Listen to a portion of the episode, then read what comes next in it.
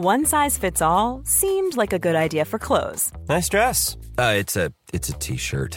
until you tried it on. Same goes for your healthcare. That's why United Healthcare offers a variety of flexible, budget friendly coverage for medical, vision, dental, and more. So, whether you're between jobs, coming off a parent's plan, or even missed open enrollment, you can find the plan that fits you best. Find out more about United Healthcare coverage at uh1.com. That's uh1.com. A lot can happen in three years, like a chatbot may be your new best friend. But what won't change? Needing health insurance. United Healthcare Tri Term Medical Plans, underwritten by Golden Rule Insurance Company, offer flexible, budget friendly coverage that lasts nearly three years in some states. Learn more at uh1.com.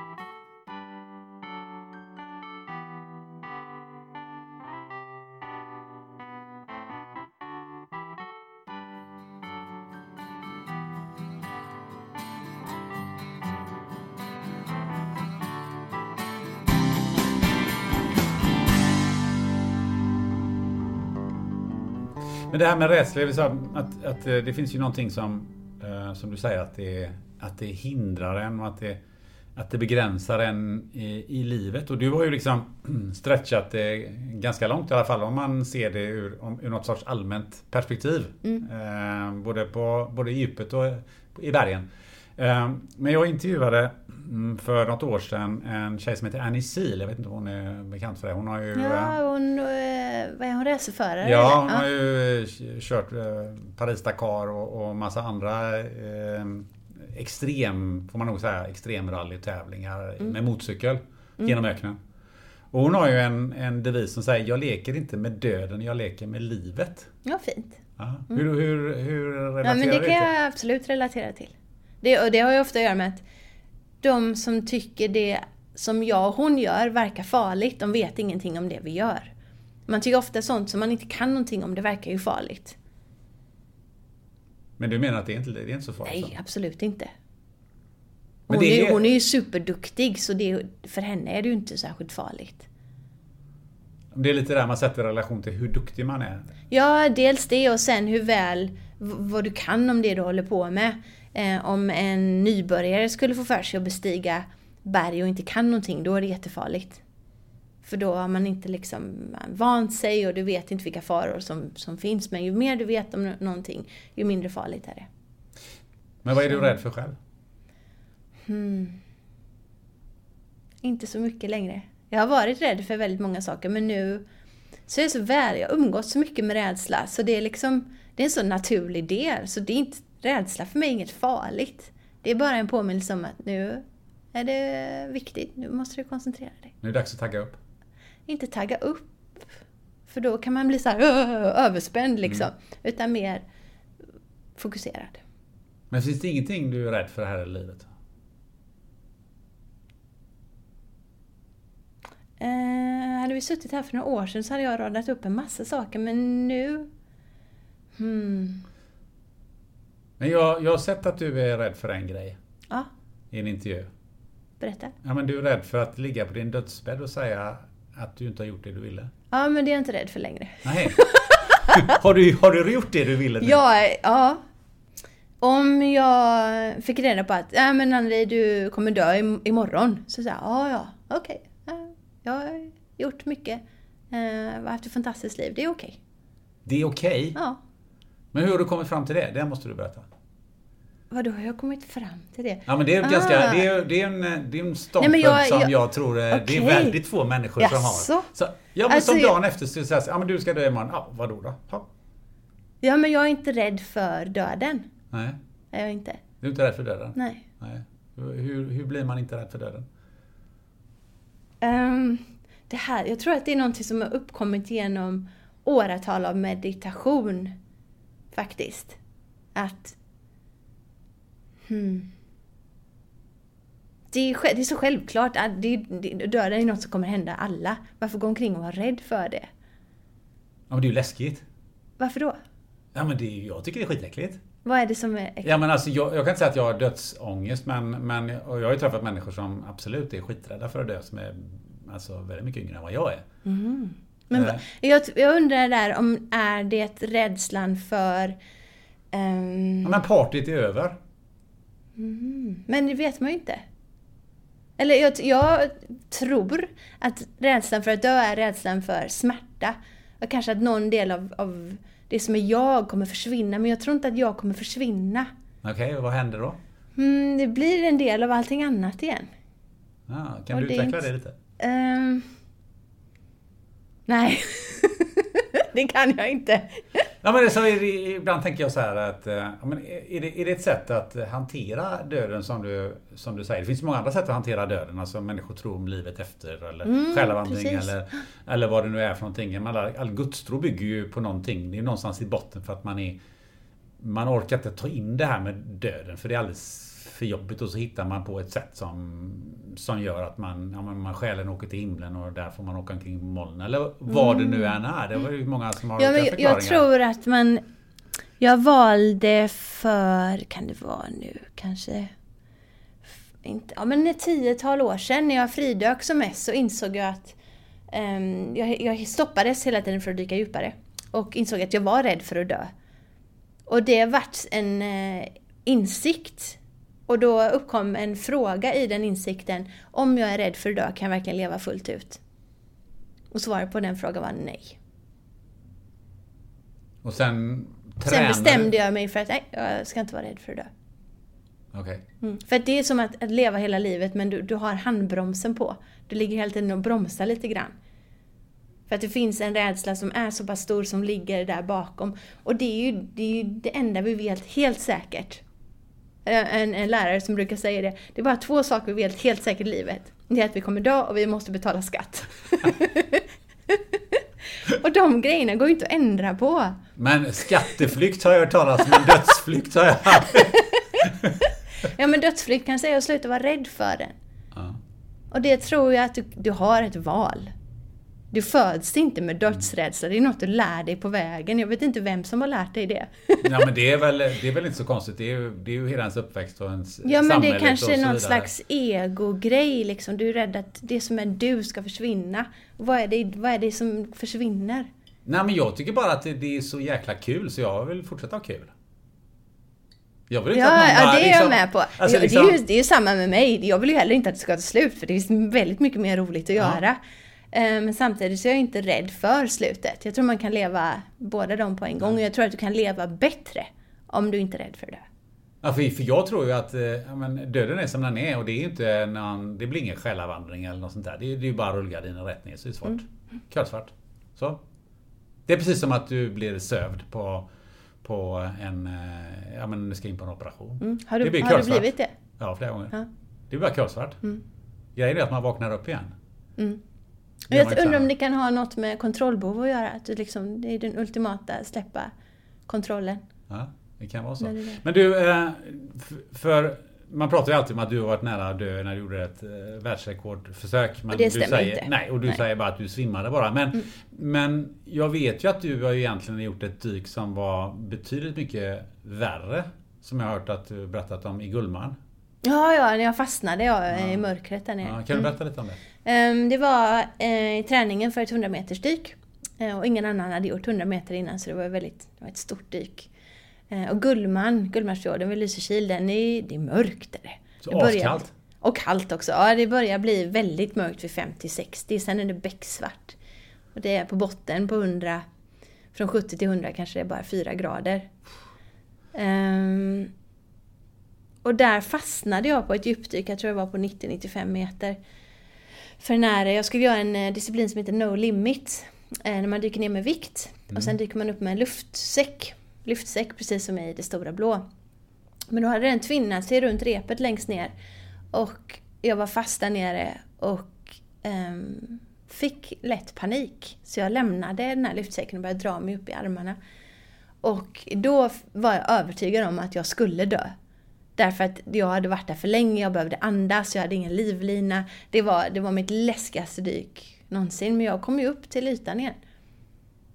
Du lyckades kontrollera dig själv där? Um, för hade du fått panik där så hade väl syret tagit slut på nolltid? Ja, det kan vara så, det vet man inte riktigt. Att om man får väldigt mycket panik i vattnet så sparar man ännu mer syre. Mm. Det, finns, det finns fridykare som försöker dyka på det sättet, att de andas ut och dyker ner. Därför att då får kroppen en sån här panik så att man verkligen sparar på syret. Eh, och då fick jag mig också en tankeställare såklart, för då gick jag omkring sen efter det dyket och trodde att nu ska jag vara mer tacksam för att vara levande nu när jag varit... Var jag nära döden eller vad hände egentligen? Och det var ju bara en... en jag fick ju bara panik. Men eh, liksom var det dagen efter så var det bara ner i vattnet igen?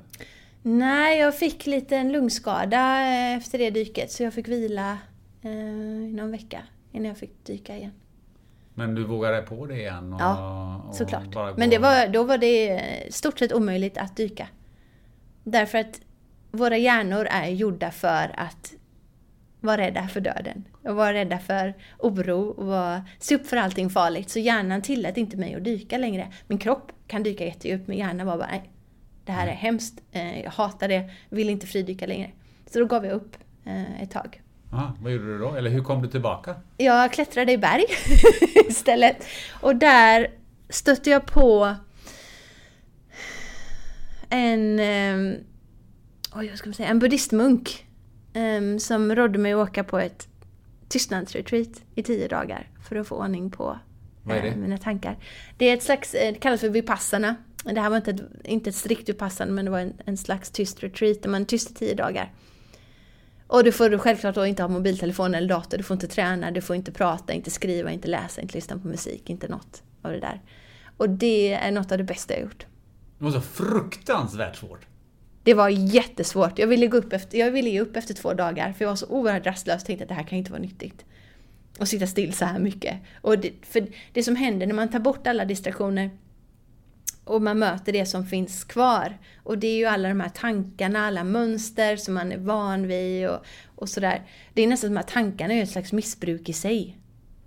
Vi, vi tänker är det, någonstans runt 90 000 tankar varje dag och 95 procent är samma som igår. Så vi har ju väldigt mycket mönster i våra hjärnor och då hör man ju de mönstren. Och det kan vara oerhört frustrerande. att höra samma sak upprepas om, igen, om och om igen. Så att, eh, jag gav upp efter två dagar så pratade jag med en av munkarna där. Pratade? Du bröt ja, liksom? Ja, för att jag sa att jag vill inte vara kvar här längre. Jag måste ut härifrån och fixa lite grejer. och den här munken, jag minns det, han tittade på mig och så log han och så sa han Ju mer du vill fly, ju mer måste du stanna. och okay. jag, jag tänkte jäkla munk. det är lätt för honom att säga. Men eh, jag visste att han hade rätt. Jag behövde stanna. Och ibland är det så, när det är som jobbigast så behöver vi stanna. Och ibland när vi har det som är jobbigt så behöver vi bara lämna det. Men då och där var det mest rätt att stanna. När kom liksom flippen över att du på något sätt att du kom över det här och tyckte att det är rätt okej okay var Eller till och med det tog 6-7 dagar. Faktiskt, den första veckan var det jäkla kämpigt alltså. Och sen så... Där den sjunde dagen så hände det någonting i meditation. När jag hittade en plats inuti där det var helt stilla. Där det var så lugnt och det var fantastiskt. Och insett att den där, den där bär jag alltid med mig. Och sen dess har jag alltid haft den här platsen inuti där det är lugnt och stilla. Så att jag har aldrig riktigt blivit stressad. För jag vet att jag har alltid det där med mig. Förlåt, och meditationen har jag alltid, det har funnits med mig sedan jag var väldigt ung. Jag tror jag började när jag var 15 år mental träning. Eh, Lars-Erik Unestål började jag med då när jag tävlade i klättring. Och ett intresse för en österländsk filosofi. Men, alltså jag bara tänker, när jag tänker på detta, så, så här, var det inte oerhört tråkigt? Hmm. Jo men, så det är, jo det är klart det är tråkigt för du är så van att ha underhållning och så plötsligt ska du sitta och blunda och vara tyst tio timmar om dagen. Um, och du ska inte liksom underhållas av dina tankar eller göra planer eller tänka på det förflutna. Du får inte prata med dig själv heller? Det, nej, det får man ju inte. Men det händer. Jag pratade med en groda någon gång. Man ska ju städa och så, så satt en stor groda på toaletten så jag började prata med, eller viska lite med grodan. Man får ju inte störa de andra också såklart. Fick, du, fick du något svar? Nej. Nej. Han, Nej, var, men- men man har ju-. Såklart. Man har ju svaren har man ju inom sig och det är det som händer när du tar bort allting. Att du kan börja lyssna på det du har inom dig. Inte tankar som kanske kommer från andra människor eller um, idéer om hur det borde vara. Men om vi dyker tillbaka eh, till vattnet, för det är någonting Mm. som jag är lite sugen på att eh, få veta. För du gjorde ju sen då ett, ett dyk som, där du slog världsrekord. Mm. Och det var eh, några år efter det här. Ja. 126 meter. Mm. Eh, bara by the way, är det fortfarande världsrekordet? Nej, det blir slaget. Nu är det 130 meter. 130 Mm. meter. Du, eh, bara, jag tänkte bara så här, hur, om man dyker så, så djupt, så här, ja men nu ska jag dyka 126 meter och så kommer man ner där och tänker man, ah fan en meter till. 127. Mm, tyvärr går inte det. Varför det? för att du, när du bestämmer dig för att slå ett rekord eller om du ställer upp i en fridykningstävling så är repet utmätt varje meter. Mhm. Så de hänger bara ner det till det du säger dagen innan. Jag tänker dyka så här djupt. Då hänger de det på det djupet. Ja, okej. Och har du otur då, ehm, eller det är ju så en tävling är, så kommer en annan medtävlare och säger jag ska dyka en meter djupare. Och har lämnat in det dagen innan så ser du det så här. "Åh, ja, jag kanske kommer ha världsrekordet i fem minuter och sen kommer hon och tar en meter till. Ja.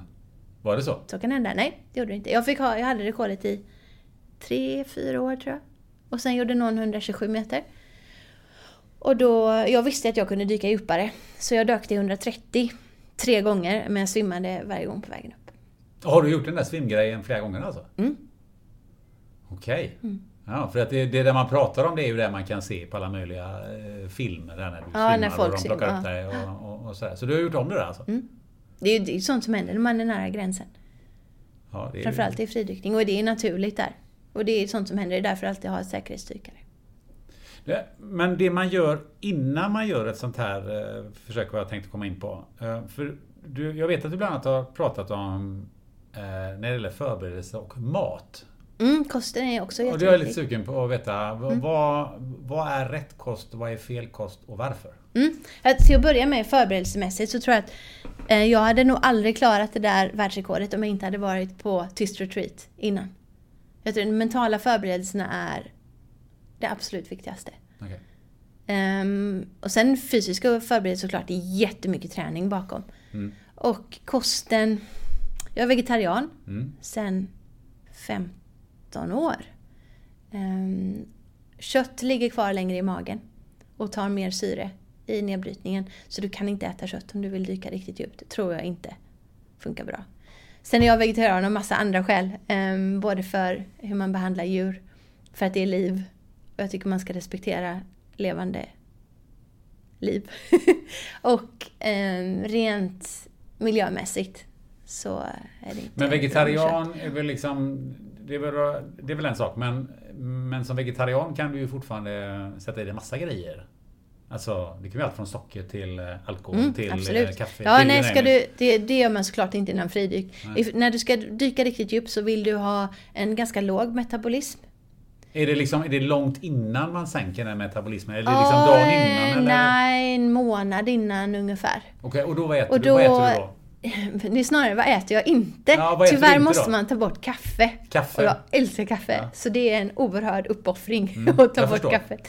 Inget kaffe, inget socker, inget vetemjöl. Ingenting som höjer din puls. Alla de tre Och höjer din puls. vetemjöl, det där var intressant. Ja, det är lika snabbt blodsockerpåslag som, inte som socker men väldigt nära. Och vetemjöl är ju oftast vitt bröd, bullar, liksom sånt som är sött och ljust och i stort sett onyttigt. Så där hör ju pasta också väldigt högt blodsockerpåslag. För det där är ju intressant som du säger, alltså höjer din puls. Eh, Kan man också säga så att ja, men där är också bidragande till att du faktiskt eh, ökar en- din stressnivå? Mm, Jag vet inte om höjd puls och stressnivå har en relation. När du springer så får du också höjd puls men du blir inte stressad av Nej att men det är ju en springa. annan sak. Du, Ja. du höjer pulsen för att du ska Nej, jag, öka tr- jag din, tror att, eh, ja, men du kan ju testa, ni som lyssnar, kan ju prova att trycka i en, en stor godispåse och kolla vad som händer med pulsen. Den kommer gå upp. Och när hjärtat slår snabbare så förbrukar du ju lite mera syre också. Så det är ingen vetemjöl och så har du ingen kaffe, ingen, ingen alkohol. Nej. Är något annat? Inget som är onyttigt. Är det något annat? Nej, det var nog det. Det är de tre grejerna som du tar bort en månad innan du... Ja, Det eller är det två nu. till och med. Det jag skulle säga som med fridykningar, ju mer hälsosam och ju mer lycklig du är, ju djupare kommer du dyka. Varför, vad, har det med, vad har lycka med detta att göra? Därför om du, om du grunnar över någonting eller om du är lite missbelåten, eller om du är irriterad eller om du har haft ett liksom, jobbigt samtal innan, då kommer du absolut inte kunna dyka djupt. För allt det där kommer översättas i din prestation. Och inte bara i fridykning, utan i alla andra sporter och i livet i stort. Ja, för det kan man ju föra över till... eh, Ska jag prestera någonting på jobbet Absolut. och jag inte är lycklig? Nej, då kommer du antagligen inte göra ditt bästa. Nej. Nej, Och sen ju- tror jag det har med meningsfullhet också att göra. Det spelar oerhört stor roll. Tycker du det är meningsfullt att dyka djupt? så kommer det nog gå bättre om du tycker att det är helt meningslöst. Och samma på ditt jobb. Tycker du att det känns meningsfullt att vara på jobbet så kommer du prestera bättre. Men som, du skulle inte kunna vara... Hur är det med stressig miljö innan du gör det här? Alltså måste du måste du liksom ha en avskildhet och, och, och, och vara för dig själv och kanske inte vara en stressig... eh, Ja men nu ska jag hitta på. Nu är du inte i kontor, på kontor. Alltså, men liksom den här stressiga miljöerna som finns i, ja, men i våra städer och så vidare. Det, ha- Ja, nu är hålla- det ju inga fridykningstävlingar som ligger nära stressiga städer. De är ju långt bort i havet. Ja, men jag tänker att måste du under en period då verkligen avskilja dig, bara vara i naturen och, och hålla dig borta Jag måste ju stress? fridyka eh, innan en tävling så det finns ju inte chans att jag är i en stor stad så jag vet inte faktiskt. Och fridykning gör en ju väldigt lugn. Alltså allt det du måste göra för att fridyka djupt kommer att göra dig lugn. Du måste göra yoga, du måste göra andningsövningar, du måste meditera eller jobba med ditt sinne på något sätt och alla de sakerna gör dig lugn och ostressad.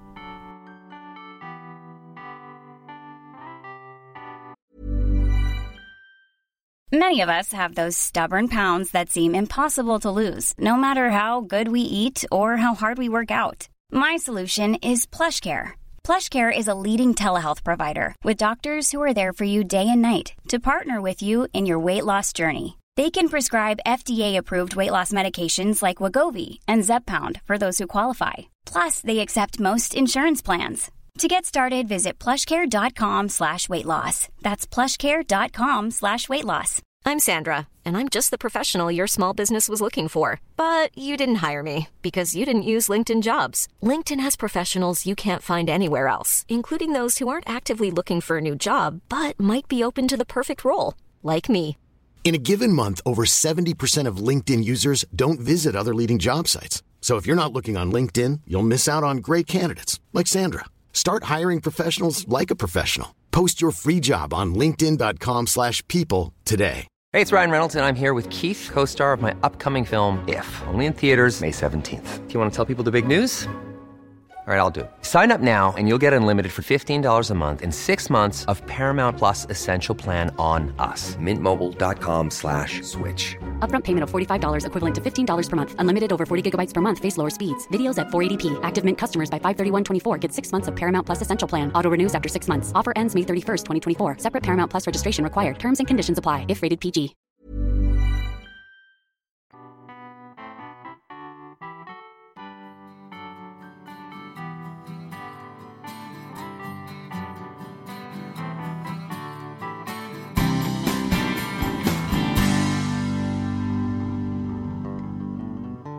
Absolut farligaste på Everest, det är människor.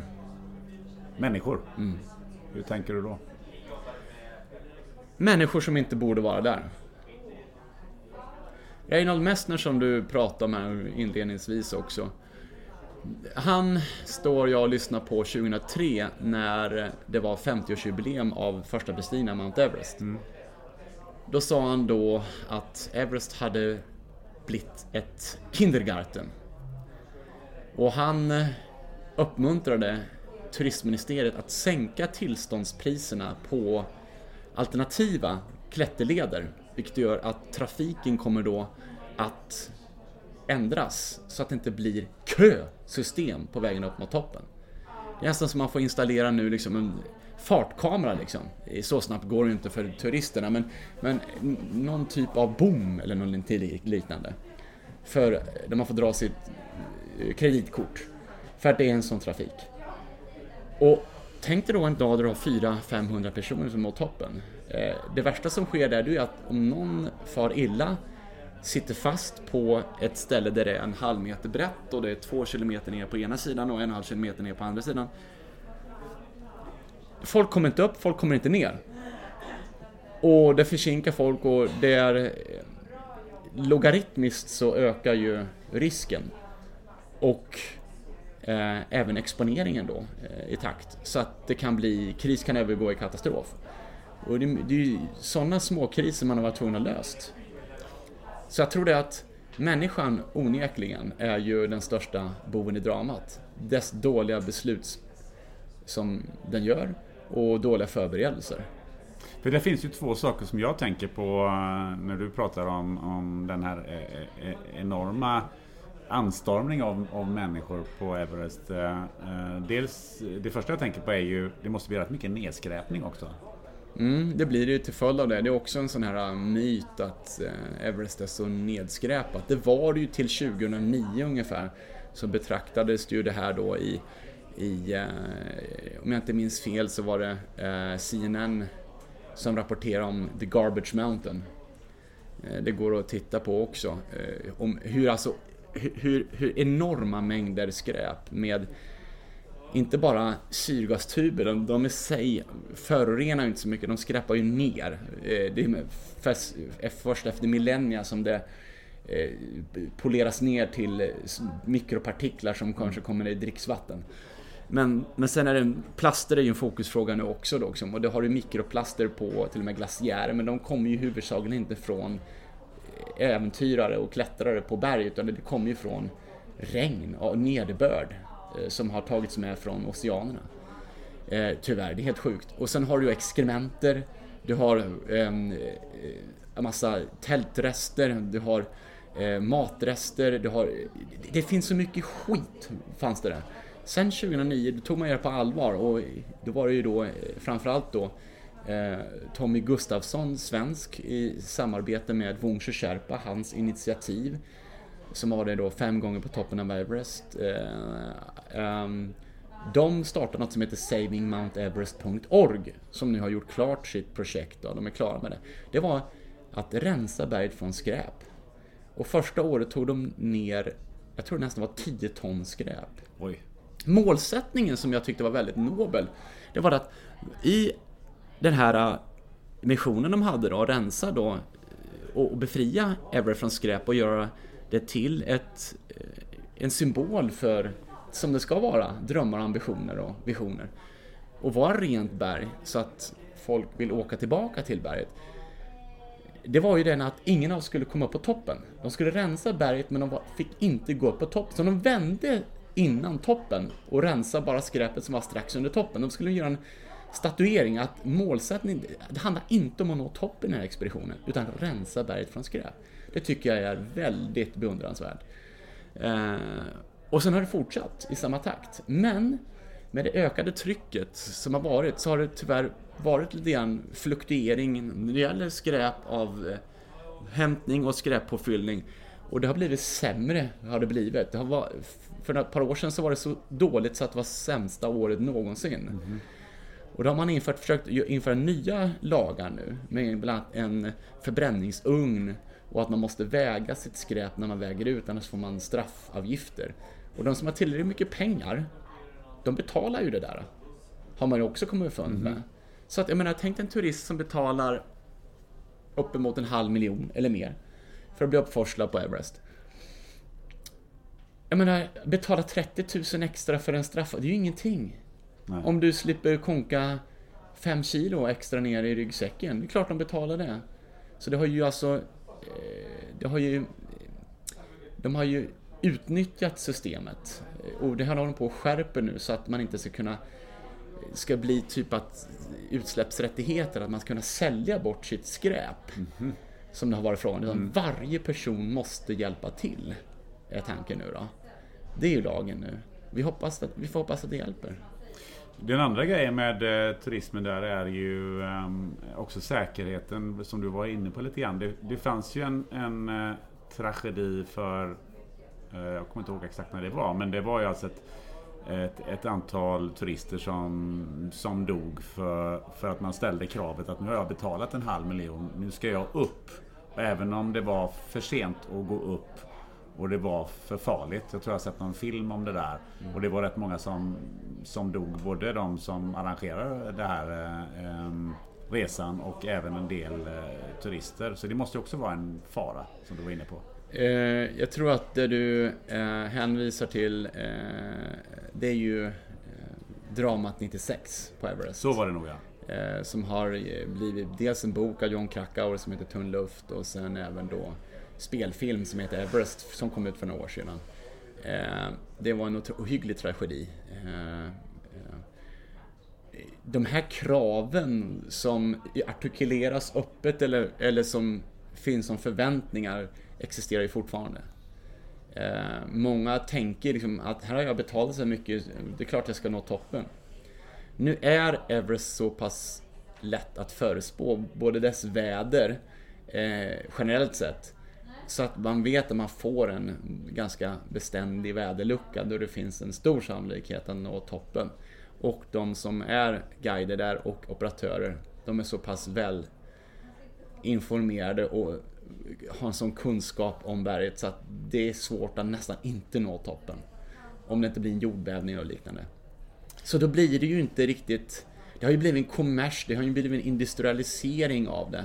Och, och då anser jag att, liksom Reinhold Messner lite grann, att det blir till snudd mot våldtäkt på berget.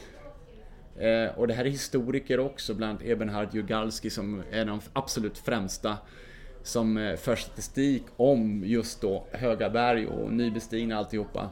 Det som har skett, inte bara på Everest, Everest får ju mycket fokus, men Manaslu till exempel, som är världens åttonde högsta berg, som jag var på, på toppen 2015. Det var ju ett par år sedan nu då 200, över 200 personer trodde att de kom till toppen, fick deras Summit Certificate. Ingen av dem var på toppen. Mm. Toppen var 30 meter bort, 30 höjdmeter bort. Men på grund av att de var så många så insåg de att de inte hade tid att forsla upp alla på den riktiga toppen. Så då bestämde de sig där att ja, men då får den här lilla toppen här nere, en sidotopp, en förtopp, duga. Okej. Okay. Och när det går till den nivån där att plötsligt har det blivit så trafik då att ja, men då, den verkliga toppen, vi sänker berget bara för att alla ska hinna upp och kunna titulera sig bestigare. Alltså då är det våldtäkt. Ja, det kan man verkligen säga. Jag tänkte att innan vi lämnar Everest så tänkte jag så här också. Ehm, det bestegs ju som du nämnde här första gången 53 utav Edmund Hillary och Tenzing Norgay.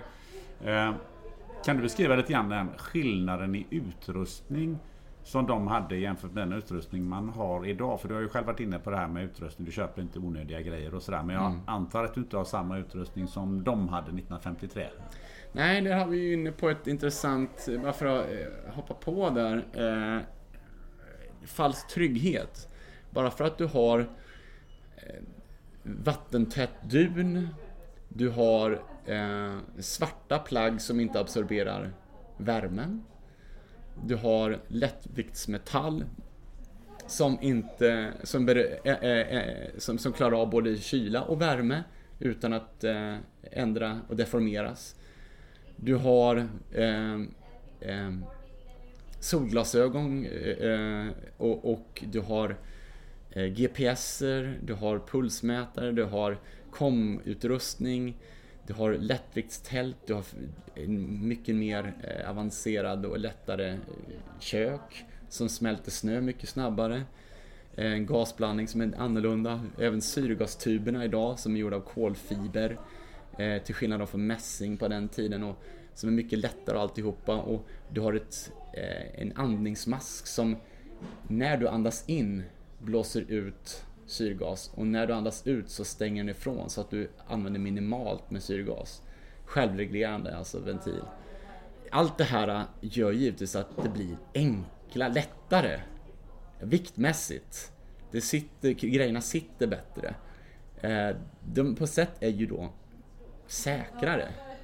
Men på grund av att det också marknadsförs som sådant så bygger du ju indirekt då in en falsk säkerhet i produkterna. Vilket gör att folk då kanske tänker What can possibly go wrong? Ja men jag har ju de här grejerna. Då är det, då är det lugnt. Och så glömmer man bort att berget är fortfarande lika högt. Det är fortfarande glaciärsprickor, laviner, stenras och gud vet vad som kan komma ner. Och vi är bara en liten myra i den här stora, stora, stora världen som vi rör oss i. Och, och faller vi liksom ner i en glaciärspricka så gör det lik, fortfarande lika ont. Så vi inte har en sån här James Bond-sorb som blåser upp sig och skyddar den liksom. Eh, så att jag tror det att det går... Tekniskt avancerad utrustning finns, ja. Men den kanske missbrukas för mycket. Jo, innan vi fortsätter till ett annat berg som heter K2 så tänkte jag eh, höra med dig. Vad är det du äter när du eh, inte Eh, bestiger berg? Alltså när du tränar hemma, när du jobbar. Har du någon speciell kost som du... Äter? Jag är omnivor. Jag är allätare. Eh, jag är glutenintolerant. Eh, gluten är ju ingen allergi, det är en intolerans. Många blandar ihop det med laktos, vilket faktiskt gör mig till snudd för, på förbannad numera. Därför att du går på en restaurang i Stockholm och hälften av gångerna så säger de ”jaha, laktos, eller, eller mjölk, då kan du inte ha mjölk. De har 50% chans att välja rätt. Och hälften av gången så blir det fel. De har två allergier att tänka på. Det är gluten och det är mjölk. Sen är det vissa nötallergiker och så vidare. Men det blir ofta fel. Så nu kommer vi in på en parentes lite politiskt där, men jag tycker det är så förargligt liksom att vi lever här och i Nepal är det inga problem, i Pakistan är det inga problem, men i Sverige så kan vi inte se skillnad på det. Det är för dåligt. Jag är allätare som sagt och eh, jag försöker tänka så här, vad äter det jag äter? Eh, många säger kött är fel. Eh, och att vi, eh, det är väldigt mycket fokusfråga nu kring vegan och sådär. Jag försöker äta så mycket vegansk kost jag bara kan. Eh, äta kött varje dag? Nej, det gör jag definitivt inte. Det kanske blir en, två gånger per vecka. Men för det jag gör så har de nutritionister och de coacher och fysiologer, alla som jag anlitat, sagt att vi har testat väldigt många olika dieter för mig under dessa år. Och utesluta kött helt det har inte funkat bra för mig. Inte för de klättringar jag ska göra och inte på den nivå jag ska prestera. Däremot när jag äter det, var det kommer ifrån etc. Det är otroligt viktigt. Likså, var kommer tomaterna ifrån? Ja, den är ekologiskt odlad och närproducerad i Sverige. Ja, betyder det att det är ett mindre fotavtryck på planeten än en spansk tomat? Inte nödvändigtvis. Så dels vad är bra för kroppen men dels också hur påverkar planeten? De frågorna brukar jag ställa mig. Och då äter jag till exempelvis på morgon så har jag, eh, jag äter mycket nötter, eh, jag äter quinoabröd, eh, jag äter veganost, eh, jag försöker undvika laktos då så jag äter någon avokadosmör. Ägg äter jag fortfarande, ekologiska ägg. Ibland blir det bananpannkaka med ägg och proteinpulver och grejer. Blåbär, mycket bär, är viktigt. Lunch, ja, jag lagar oftast min lunch och min middag själv. Men det är mycket quinoa, det är mycket rotfrukter, mycket sallad, eh, grönkål, mycket olja, olivolja, eh, eh, soltorkade tomater, ärtor, hummus, hummus i alla dess varianter. Eh, och är det då väl kött, ja då äter jag gärna det från någon gård eller någonting som jag köper här i Sverige. Vilket ju passar bra. För att nu ska vi prata lite om kravkött från gräsbetande djur med Märta Jansdotter från den här poddens sponsor Gröna Gårdar. Och gillar du snabbmat men tycker å andra sidan att matlagningen tar lite för lång tid? Då ska du lyssna nu. För här kommer tips från Märta Jansdotter, VD på Gröna Gårdar. Du, du har ju något som heter långkok för lata. Vad är det för någonting? Ja, det är det långkoket jag brukar syssla med. för du är lat? Precis, eller jag har bättre saker för mig kan man säga. Ja, så kan man också säga. Eh, det man ska se till att ha det är ju en ganska fet eh, köttdetalj som till exempel oxkind, svans, bringa, högrev eller bogstek. För här vill du ha lite fett för att du ska få in smaken.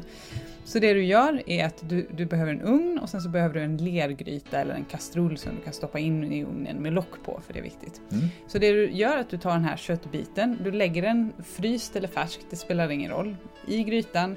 Du häller på lite krossade tomater eller har du någon sån härlig färdig pastasås, det finns ju av ganska bra kvalitet nu för tiden. Kan du köra en burk med sånt med lite god smak, kanske lite örtkryddor, vitlök om du gillar det såklart. En skvätt portvin är jättegott Mm. men det går med lite vanligt vin eller madeira eller sånt där också. Mm. Sherry funkar också bra. Och så lite salt, kanske lite peppar. In i ugnen på typ, ja men runt 90-100 grader ungefär.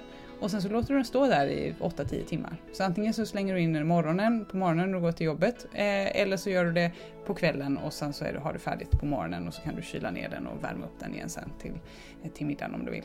Jag gjorde bland annat det här när jag hade hela styrelsen av ekologiska lantbrukarna på besök. Att då, på kvällen så tillredde jag det här och sen så till lunch kunde jag liksom servera mat på 10 minuter till 10 personer för att jag hade liksom bara, det var stort klart i ugnen. Wow, fantastiskt. Och, Och det det kan man göra med rätt eh, stora köttbitar eller rätt mycket kött. Ja, det hade jag väl typ två kilo kött eller någonting sånt. Man får bara ha en större gryta. Fantastiskt bra. Och det här köttet, det köper man var då någonstans? På grönagårdar.se såklart. Grönagårdar.se såklart. Det är där man köper sitt kött. Från och med nu och hela vägen fram till 1 juli så får du hela 10% rabatt om du handlar ditt kravkött online. Ange bara spännande möten 19, små bokstäver och inga mellanslag när du checkar ut från grönagårdar.se. Alltså, spännande möten 19, små bokstäver och inga mellanslag och du får 10% billigare kravkött från gräsbetande djur. Det är vad jag kallar Krav Plus. Så, så nu vet vi vad du kan laga långsam snabbmat med minsta möjliga arbetsinsats. Låt oss vända tillbaka till bergen och inte vilket berg som helst utan nu ska vi snacka lite K2 här. Och då skulle jag vilja veta till att börja med, vad är det för ett berg? K2 Shogori eh, heter berget. Eh, K för Karakorum. Karakorum är en bergskedja som ligger längst västerut i Himalaya. Det finns i Pakistan och det gränsar till Kina, Tibet och till Indien. Eller Kashmir rättare sagt då. Eh, och det här är ju då ett ganska känsligt område som ni förstår med Kashmirfrågan. Så att vara där uppe, det är och kräver liaison officer från Pakistan, en som är med, en militär, som för att se till dels våran säkerhet men också kolla så att det inte är spioner som infiltrerar sig och kommer in och håller på och fotograferar. Vilket har hänt. Att vissa kamouflerat sig som turist och sen tagit sig in i landet då, vilket är avskyvärt. Alltså, Bal, alltså Baltoro och Karakorum och Baltistan som är den provins i nordostra eh, Pakistan är ju bedårande vackert. Det är så gränslöst vackert. Det är skyhöga berg som reser sig upp likt spjut. Och, och, och, och, du har fem stycken 8000 meters berg i Pakistan av alla 14. Och de är ganska tätt samlade. Fyra av de här är nästan ett stenkast från varandra. Och när du står i K2s baslägen och tittar upp på dess sydsida och så tittar du söderut, då ser du Broad Peak, vilket är världens tolfte högsta berg som jag klättrade i fjol, 8047 meter. Då är det som att de här bergen nästan ramlar över dig. Det är sån nästan klaustrofobisk känsla. Och det är så stort att samtidigt som man skiter på sig så får man den här ungdomliga, nyfikna lusten att bara upp och upptäcka och vilja klättra berget. Det är en, en känsla från att vilja springa från någonting och vilja springa mot någonting samtidigt. Det blir alltså kollision. Det är som en ostoppbar kraft möter en ogenomtränglig vägg. Det blir kollision och det är svårt att förhålla sig till det på ett rationellt sätt. Är det en av orsakerna till att eh, K2 är ett så farligt berg? Orsaken till att det är farligt är väl kanske inte på grund av dess attraktionskraft, att det är världens näst högsta berg. Utan det är väl snarare det att det är ett berg som har ett, ett otaktsamt och lynnigt väder. Eh, där det oftast är dåligt och är det inte dåligt så är det sämre. Det är laviner, stenras, isras. Det är brantare. Eh, och det är mer exponerat och och utsatt på alla sätt och vis. Det har en högre dödssiffra än Everest. Av 100 klättrare som når toppen av Everest så är det ungefär 8 som dör på berget. Av 100 klättrare som når toppen av K2 så är det ungefär 22 som dör på berget. Oj, det är ju en otrolig siffra. kom ihåg nu att det är inte av 100 som når toppen som måste 22 offra sitt liv, utan man beräknar den här statistiken av 100 antal som når toppen. Så är det X antal som dör någonstans på berget. Antingen upp eller ner. De behöver nödvändigtvis inte ha nått toppen. Men det är så man beräknar statistiken. Man kan inte räkna, ja hur många har försökt liksom.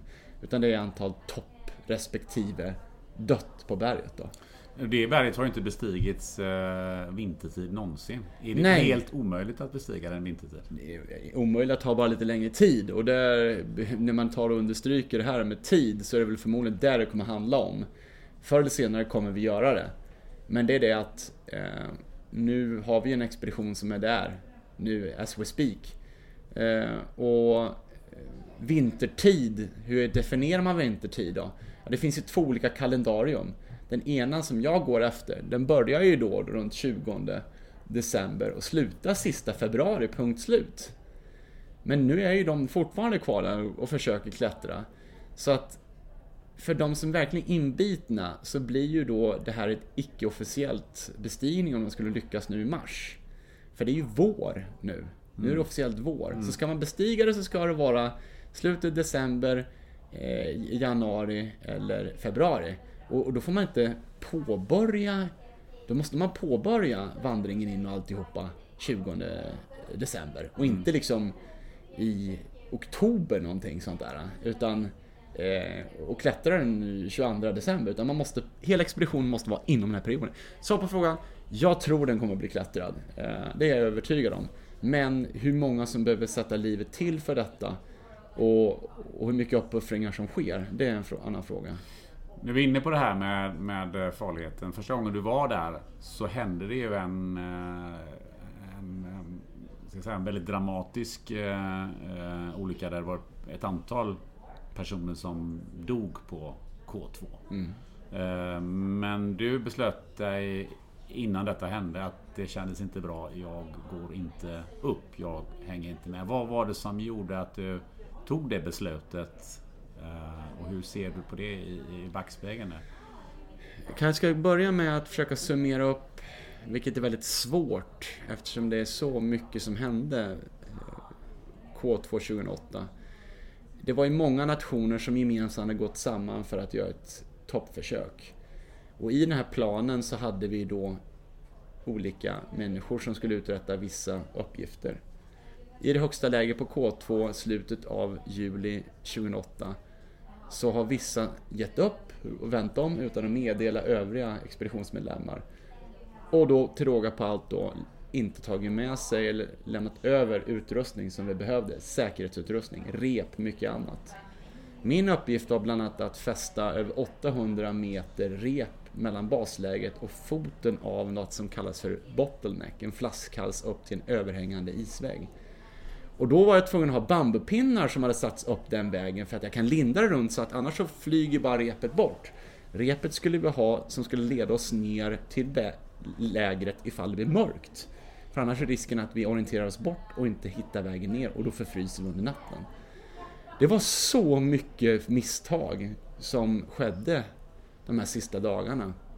Och vi blev försenade när vi skulle gå mot toppen.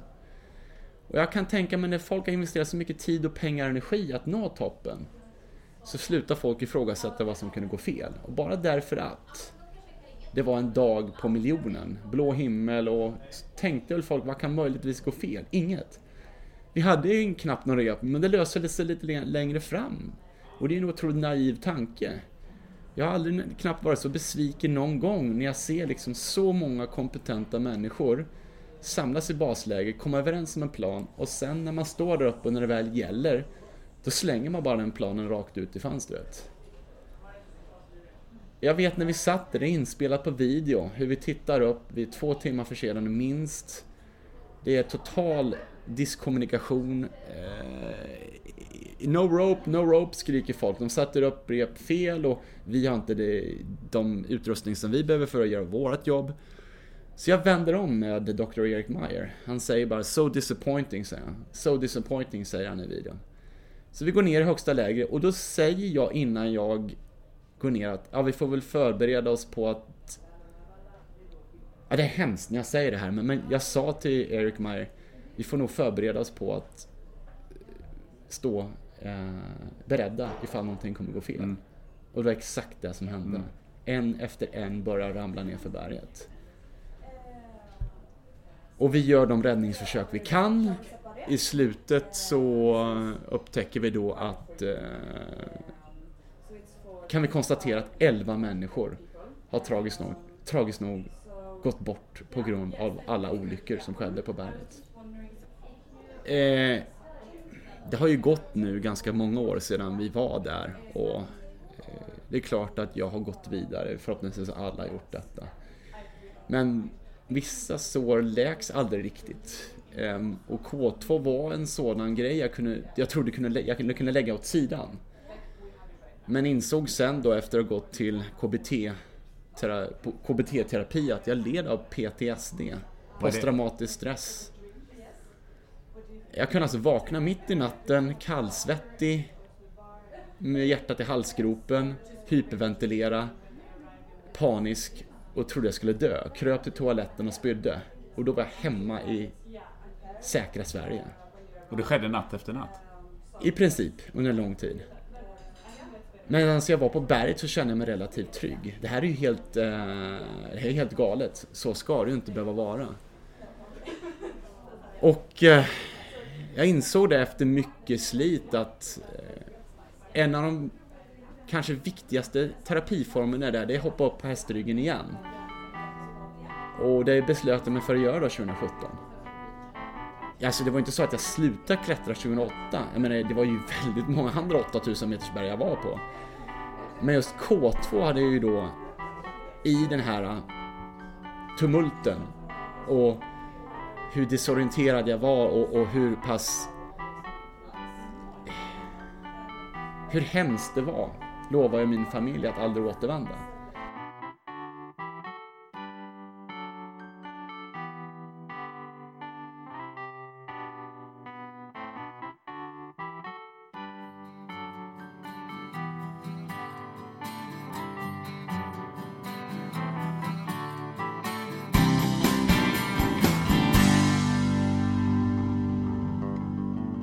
Det, det finns berg runt världen som ingen har lyckats bestiga. Ja, nämn några exempel. Ja, jag har inte namn på alla, men det finns... Nej, men något. Nej, men det finns ju, det finns ju berg som, som är eh, omöjliga att bestiga, som vi tycker idag i alla fall. K2, om man tittar på det man brukar säga, det är, det är ju de här 8000 meters topparna, 14 stycken. Och där är väl K2 ett av de absolut svårare. Och svårare tekniskt sett än Everest. Även om det är 250 meter lägre så är det svårare tekniskt sett. Och framförallt så brukar vädret vara eh, lite aggressivare på K2. Så det, det är det definitivt. Men har du något berg som, eh, som du kan nämna på rak arm som, som det är omöjligt att komma upp på? Eh, nej, det brukar inte vara berg. Det brukar vara leder på berg eller vägar Ah, upp okej. för berg som, som, som brukar vara...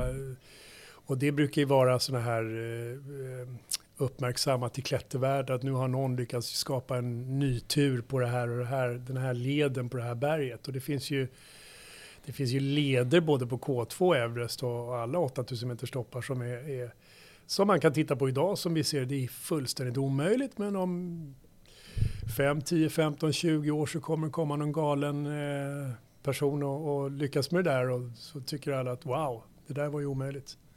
Så vi spränger ju hela tiden. Det är bara att titta på Alex Honnold som, som, som bestiger, om du har sett filmen Free Solo, Mm. som, som klättrar utan någon som helst säkring eh, upp för en led som, som tog tre veckor med, med bultar och kilar och grejer att göra förr i världen. Det springer han upp på, på 20 timmar. Liksom. Och det, det, så att de, de gränserna förflyttas ju hela tiden, vilket är ganska häftigt.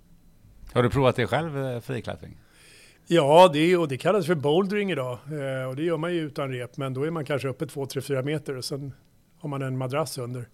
Men är du uppe 800 meter så spelar den här madrassen inte så stor roll. Så det, det är lite olika nivåer eh, på det. Jag är absolut ingen, ingen eh, duktig bouldrare, men, men det gör jag inte för att klara av en svår led. Det gör jag för att jag ty- kanske tycker det är kul. Eh, och det, man kan ha med sig barn på det också. Det är, många av de här inomhusväggarna eh, som finns idag, eller inomhusklättercentren, där, där är ju, det finns ju många som aldrig har med rep, utan de går direkt och bara hänger på boulderväggen och, och löser tekniska problem där och, och det är ju en, Sen vilken nivå man ligger på, det spelar ingen roll. Bara man har kul och, och, och rör på sig, det är det viktigaste. Kom du i lägen någon gång där du sa så att den här expeditionen ska vi inte göra, det här hoppar, här hoppar vi av för det här, är- det här är för farligt? Ehm, ja, alltså vi har ju vänt på berg, det har man ju gjort. Så det var ju både på Garsebrum och på K2 eh, så vände vi tillbaks. Om du tar- pratar om 8000 meters toppar. Och det var ju för att det här är inget bra. Antingen känner vi oss för dåliga eller så är vädret för dåligt eller någonting annat är, är inte bra. Eh, och då vänder man ju tillbaks. Måste man vara modig för att vända tillbaka? Eh, nej, vet jag inte om man man vara modig, men man måste vara dum i huvudet för att fortsätta. Och, och problemet är när vi sitter här nere och diskuterar det som sker på åt- 8000 meters höjd. Det är att där uppe är man dum i huvudet. Du har syrebrist, du, har, du är inte, du fattar, du är inte smart. Så att det är jättelätt för oss. Vi kan sitta och analysera varenda eh, Himalaya-expedition som har gått åt helvete här nere och säga varför gjorde de inte sådär? Och det är helt uppenbart när vi sitter här på havsytan. Men där uppe och då så var vi inte så jädra smarta och vi fattade fel beslut. På grund av att vi inte, på grund av att vi har ganska dåligt omdöme där uppe. Och det gör att det är så himla lätt att döma allting som händer i Himalaya och bergsklättrare som, som, som, som inte klarar det. Så jag skulle säga att varje gång man vänder tillbaka så är det liksom bara tecken på att det är någon som tar det säkra för det osäkra. Alltså du ska ju fatta beslut utifrån att du har dåligt omdöme. Eh, och det är inte så himla lätt alla gånger att göra det. Du nämnde självbekräftelse eh, som, en, som en drivkraft. Kan det vara en farlig drivkraft? Absolut. På vad sätt då? Nej men det, det, det är som alla drivkrafter kan ju vara farliga. Det, om du har gått runt och så har lovat dina sponsorer att ja, men nu jäklar den här toppen ska vi upp på. Och sen vet du att det, det är massa som sitter där hemma och förväntar sig att du ska komma upp på en topp. Då är det ju svårare att vända tillbaks, såklart. Men det är lite där som modet kommer in som jag for efter alldeles nyss. Att man vågar säga, att man vågar ta det beslutet. Ja, det kan, jag vet inte om jag kallar det mod, det kanske är mod. Men jag... jag eh, det är möjligt att det är modigt. Det, det, det tror jag inte, utan det är väl snarare sunt förnuft som, som kommer in. Jo, men det måste ju ändå vara så att, eh, för det finns ju ändå en viss rädsla för, för ett misslyckande. Om man, alltså hur, hur andra dömer dig, eller om du, om du har det som en självbekräftelse som, som en drivkraft, så blir du ju inte bekräftad då om ah, du kommer inte Ja, upp. det kan man väl bli. Det, nej, men jag tror att bekräftelsebehovet var snarare på Everest och sen så var det kanske inte samma bekräftelsebehov efter det. Men, men eh, och jag menar K2, eh, det.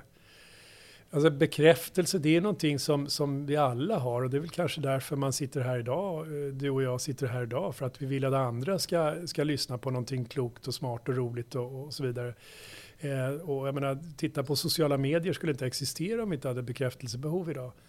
Eh, så att det, det är väl någonting som alltid finns, det är en, en, en, en grundläggande behov hos män, människan idag med bekräftelse. Sen får den inte vara för stor så att vi blir ett, ett, ett, ett jätteego som springer runt. Och, och, och, ehm, så jag vet inte, det är klart som sjutton att det, om du kommer upp på, på, på, ett, på ett högt berg och så är du tvungen att vända någonstans eh, från toppen. Ibland är det ganska självklart att man vänder tillbaks. Eh, om det blir en orkanvindar eller vad det nu är. Ibland är det kanske, ja, men vi orkade inte, vi, var liksom, vi tog slut. Ehm, och då kanske det finns andra orsaker. Det, det är klart att målet är ju att komma upp till toppen. Men målet är ju också att komma ner från toppen och komma tillbaks. Eh, och jag skulle inte säga att ett misslyckat, en misslyckad expedition är inte att komma upp. Utan en misslyckad expedition det är om man, det är om man dör och inte kommer tillbaks därifrån. Men kan det finnas ett behov av att, eh, att ta risker också hos en människa? Att uppleva den här adrenalinkicken när det Ja, nästan det, går finns, det finns nog, det finns nog eh, och där är också väldigt varierat beroende på hur amygdala funkar med, med, med om, vi, om vi är, reagerar överhuvudtaget. En del behöver ju väldigt mycket stimuli för att få svar på, på det medans, apropå Alex Honnold där, eh, medans en, en, en kanske mer normal människa eh, kan du sätta på ett, på ett tak här på, på Vasagatan, eh, åttonde våningen och, och så, då, då eh, börjar nog darra i benen och, och man får svindel och så vidare. Men risk, ja, man brukar ju prata om adrenalinjunkies. och det, det, eh, det skulle ju nog inte jag säga att jag är egentligen. Men, men jag söker, söker ju naturligtvis utmaningar och, och eh, ett sånt äventyr som tillsammans med min tjej med, med, med Stockholms skärgård på en suppräda i, som, i, för, nu i mars här. Det, det är ju inte adrenalin så mycket utan det är mer att, att få göra, eh, ja, när vi gjorde det första gången, det var ju, så hade vi semester. Vad ska vi göra på semestern? Ja, men vi paddlar. Och då så, ja, men vi, var ska vi? Ja, men vi paddlar till Arholma från Landsort. Så det var ju en fantastisk härlig semester. Nu kanske det inte var så mycket semester här i, i vintras, men, men eh, det var en kul, ett kul äventyr att göra någonting tillsammans med någon man tycker om. Är, är ju härligt. Men när man gör de här eh, väldiga utmaningarna, hur, eh, hur hanterar man rädsla? Ja, hur hanterar man rädsla? Jag förstår inte riktigt hur du menar. Nej men så här, att... Eh, mm, om vi börjar så här då, var du, var du rädd någon gång när du var där uppe? Oj, jag har varit rädd massor med gånger när jag har gjort äventyr och det hoppas jag kommer fortsätta vara. För rädslan är ju bara ett, ett, ett fantastiskt varningssystem som gör där.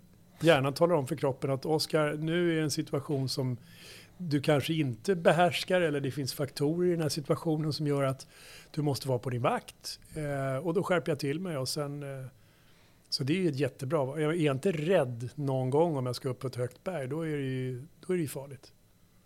Men jag tänker också på rädsla kan ju också hos vissa människor um Eh, paralysera eller man blir rädd och man, man, man blir sämre på att röra på sig, man blir sämre att Ja, du menar att, att, du, med, med att du hamnar i panik? Ja, eller att man liksom, för rädsla är ju inte alltid någonting som gör att man heller eh, hanterar saker och ting rationellt. Det tror jag nog Nej, man kan känna igen sig i. Men du får inte gripas av panik, att du, att du, det, det är ju inget bra.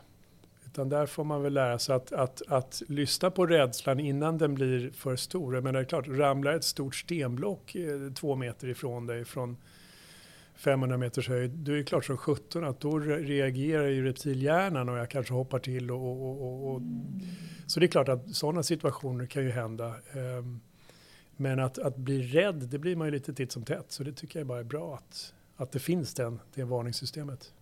Och då kan man undra då, vad är det man blir rädd för? Mm.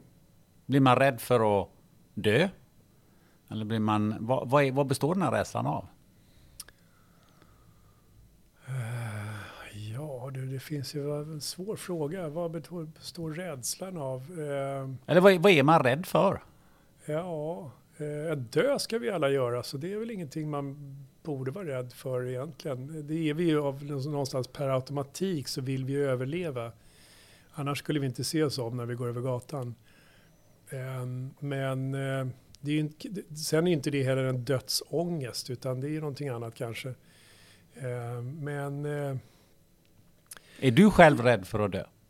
Eh, jag säger att jag inte är det, men jag, jag, vet inte hur jag kommer reagera när jag får ett besked när jag är 120 år gammal att Oskar, nu har en vecka kvar för nu har du en, eh, någonting här som gör att du kommer dö om en vecka. Eh, då vet jag inte hur jag reagerar, men jag brukar säga att jag är, skulle nog vara ganska tacksam om jag fick veta idag, därför att jag har haft ett helt fantastiskt liv, så jag skulle säga ja, det var väl eh, det var liksom bra det som var. Jag är så himla nyfiken på det som kommer efter också. Så att jag Ja, men det är lätt att säga när man inte är i en situation som handlar om när man är döende. Eller det är vi i och för sig, vi är ju döende från det vi föds, så är vi, är vi ju faktiskt döende. Och det är någonting som vi alla kommer att göra. Eh, men, eh, så jag vågar inte svara, förmodligen är det väl så att man, man blir väl... Eh, det är klart, det är situationer där jag har varit nära att dö. Men, men, och då, då är det klart då, då blir, kommer det upp tankar i huvudet. Men, men jag tror att jag skulle få det ganska... Det beror också väldigt mycket på situationen och var, var man är just nu, i, i, vilken situation man är i. Och, um, jag intervjuade Anneli Pompe som ju också har varit på Everest och, mm. och, och dykit, dykt väldigt djupt som fridykare. hon förklarar för mig det att eh, nej, hon är inte rädd för att dö. För den dagen när hon kommit underfund med att hon inte var rädd för att dö, eh, så kunde hon dyka betydligt djupare. Mm. Kan du relatera till det? Eh, nej, det kan jag nog inte riktigt göra. Det kan jag nog inte riktigt göra. Jag vet inte om det har med, med dödsrädsla att göra. Eh, men jag menar, är vi rädda för att dö, då skulle vi gå, in och gå runt inomhus med inomhushjälm och, och liksom med, med knäskydd och, och skyddsglasögon, tror jag. Så att... Nej, jag... jag jag, jag hoppas i alla fall att den dagen jag, jag, dör att det ska bli kul att dö, att det blir en, en, en rolig dag. Så man inte dör en tråkig dag. Det vore ju trist. Hur kan en, ens dödsdag bli en rolig dag? Ja, men det är väl roligare att dö glad än att dö ledsen, är det inte det? Ja, jo, det kan man ju säga.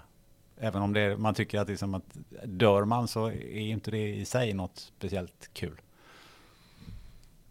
Jag vet, vet, inte, jag har aldrig dött så jag vet inte, jag har ingen aning. Jag vet inte jag heller. Inte. Och det kanske är skitkul helt plötsligt, du kanske eh, tappar medvetandet, sen är det bara värsta roliga.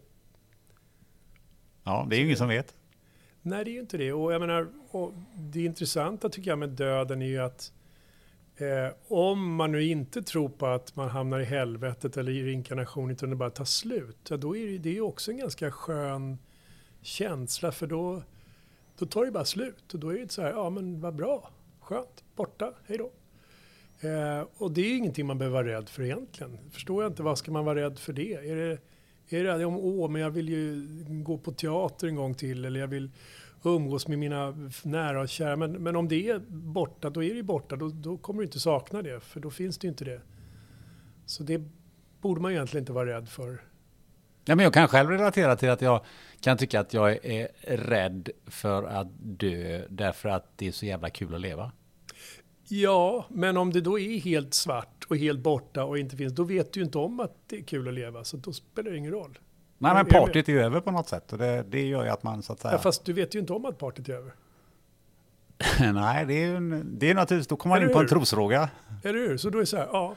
Ja, men jag tror ju på reinkarnation dessutom. Så att jag tror mm. vi, vi lever, uh, återföds och så vidare. Så det är ju skitspännande.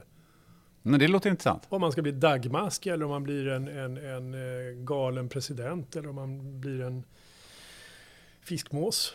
Vad tror du själv att du blir? Ingen aning. Har du en önskan? Eh, ja, men jag skulle ha, ja, eh, blev lite filosofiskt där. Ja, ehm, det kan Nej, ju få, få vara. Jag, inte. jag skulle nog kunna tänka mig vara någon... Vad skulle jag vilja bli? Uh, alltså det finns ju så många djur som skulle vara coolt att bli. Allt ifrån sengångare till en gepard till en... en uh, alltså tänk att vara en flodhäst vore ju så jävla läckert. Stor och klumpig och ligga och glufsa i sig sjögräs. Eh, eller en delfin som simmar runt i havet vore fantastiskt. Eller, eller en, eh, en, en örn som är uppe och flyger och bara ligga och flyga runt hela dagarna vore ju också härligt. Eh, ja, det finns många djur man skulle kunna vara. Mm. Eller en rolig människa. Tänk att bli en, en, en, eh, en rolig eh, en rolig kommunalpolitiker någonstans kanske man skulle bli. Rolig kommunalpolitiker, ja, och det, det har vi inte så många. Så det nej, kanske... vi har ju inte det, så kanske det var dags för det. Eller någon, någonting någon annanstans. Jag har ingen aning. Nej. nej det var lite roligt att höra. Va? Jag har inte funderat så mycket på det, men, men jag tror på reinkarnation. Så att jag, um... jag kommer ihåg när jag var barn så min far när, när vi åkte förbi eh, kohagar och så låg det kor där och idisslade. Så han sa, ko skulle man ju vara. Ja, det, det, det skulle man kanske vara. Det vore trevligt. Ja. Kanske. Så tyckte han i alla fall. Ja. Du, men det här är, landar ju också i att man, att man är nyfiken på saker och ting. Man kan ju vara nyfiken på, på det som man faktiskt inte kan ta, ta reda på, som det som vi pratade om mm. precis nu. Uh, men men uh, hur, hur, hur är din relation själv till nyfikenhet? Är det, är det en stark drivkraft för dig för att hitta på alla de här grejerna? Absolut, absolut, absolut. Och bara vara nyfiken på, på människor, nyfiken på hur saker och ting funkar, hur, hur, ja, hur det ser ut på andra sidan kullen eller bortanför skogsdungen eller det, jag, det gillar. Men bara, och, och bara dyka ner i, i Östersjön på Norr som gjorde igår. Nu, hur ser det ut där nere? Eh, och vad finns bakom nästa bildäck och vad finns bakom nästa bilbatteri? Och, och så det, det, det, det är en stark drivkraft att vara nyfiken. Handlar det också om att eh, hamna utanför komfortzonen? Ja, det gör det nog. Eh, det handlar nog om att hamna utanför komfortzonen, det tror jag. Eh, att, att det inte alltid är så himla... Eh, ja, men det måste man nog... Eh, jag tror det är svårt att vara nyfiken och inte vilja gå utanför komfortzonen också, för det, det hänger ju ihop ibland. Ganska ofta det där. Jag har läst mig till att du, du, du ska alltid handla någonting som är som du inte handlat förut? Ja, ja det, var, det var, det var um, någon idé. Jag fick jag prata med någon kompis där för länge sedan som, som just att, att man, man, när man, det handlar om att tänka annorlunda och, och det där är rätt intressant för, för um, jag brukar föreläsa mycket om uh, för om vi gör som vi alltid har gjort så hamnar vi där vi alltid har hamnat. Så för, att hamna, för att bli ännu bättre så måste vi tänka annorlunda. Annorlunda är ju tyvärr, har ju en negativ klang i, i, i svenska språket i alla fall. Att vara annorlunda är ju ingenting positivt, utan det är någonting som snarare är någonting negativt. Uh, Medan på engelskan, se different eller think different är ju, är ju, har en lite mer positivt laddad klang. Och, eh, så jag brukar ju nästan använda mig av ordet kreativitet istället. För, för det har ju en positiv klang i Sverige i alla fall. Att mm. vara kreativ, det är ju ingenting som är negativt vanligtvis. Um, och då, för att få nya eh, uttryck, så måste vi också få nya intryck. Vi kan ju inte sätta oss vid ett bord och säga, hörni nu ska vi brainstorma och så kommer vi på massa bra idéer. Att för att få nya kopplingar i hjärnan så måste vi också, ja men då måste vi bryta våra, våra vanor och få nya intryck och, och göra saker och ting som vi inte har gjort tidigare. Eh, och, och, och, beställa mat som vi inte har beställt tidigare och, och, eh, gå på något museum som vi aldrig varit på eller prata med en granne vi aldrig pratat med. Eller, eller lyssna på små barn som, som, eh, har alla, som inte har de här skygglapparna som vi vuxna har. Så det är väl det, därifrån det kommer, att, att, eh, menar, att göra saker och ting på ett nytt sätt. Kanske ta en ny väg till, till jobbet eller vad man nu gör.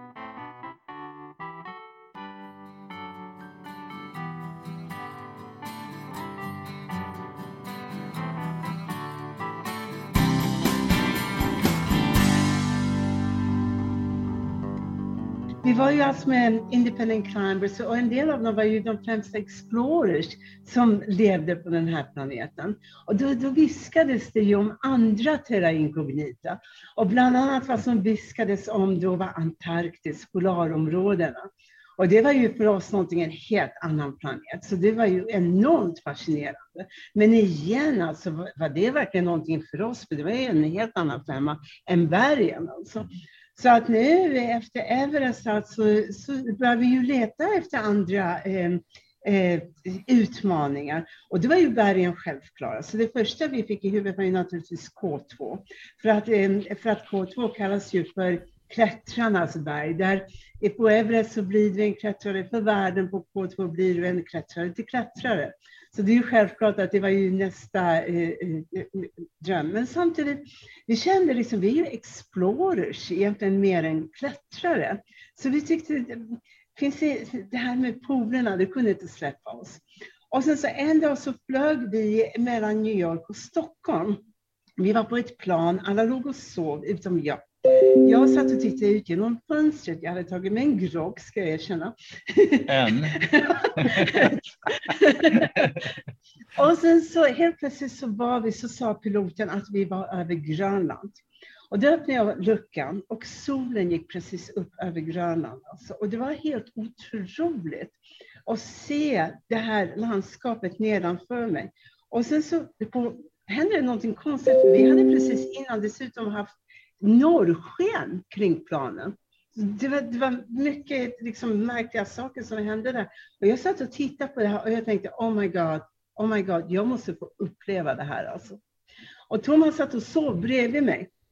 Så jag bara, jag bara liksom väckte honom och sa, Thomas vakna, vakna, jag måste säga en grej. Och han bara, du har druckit. Jag bara, ja, lyssna nu. lyssna nu. Jag vill att vi åker till Sydpolen. Och han bara, jaha, okej, okay, så Och vet du vad? Och sen vill jag att vi åker direkt efter det till Nordpolen. Och jag bara, okej. Okay. Och han bara, kan vi inte bara ta en Tina, pool först? Varför, varför båda två, sa han, efter varandra? Och jag sa, men Thomas, varför inte? Livet är kort. Och han bara... och, det var, och det var det som hände. Och, och anledningen, det var faktiskt inte bara helt eh, knäppt. Eh, det var ju så att vi hade lärt oss på bergen att vad som händer när du har klättrat ett tag, det är att det, du blir inte nödvändigtvis svagare. Du blir tunnare, du förlorar en massa vikt och så vidare. Men du, du kan också faktiskt bli starkare rent fysiskt sett och det har ju visat sig sen efteråt att det är klättrare idag som tar berg efter berg, höga berg efter varandra. Det ansågs förr i tiden omöjligt alltså. Så vad vi ville testa, vad vi ville se, det var helt enkelt skulle kunna vara så att efter, om vi klarade av att skida till Sydpolen, kunde det vara så att vi i det läget skulle vara så starka, inte svaga faktiskt, vilket man trodde på den tiden, utan faktiskt skulle vara så starka så att det till och med skulle hjälpa oss att ta Nordpolen, vilket anses vara en, och vilket faktiskt är en svårare expedition än Sydpolen. Så det blev vår utmaning att testa om vi hade rätt i att faktiskt ta båda polerna och se om det gick att ta dem båda efter varandra. Och då, eh, när vi väl hade fått in det i huvudet, då fanns ingen väg tillbaka.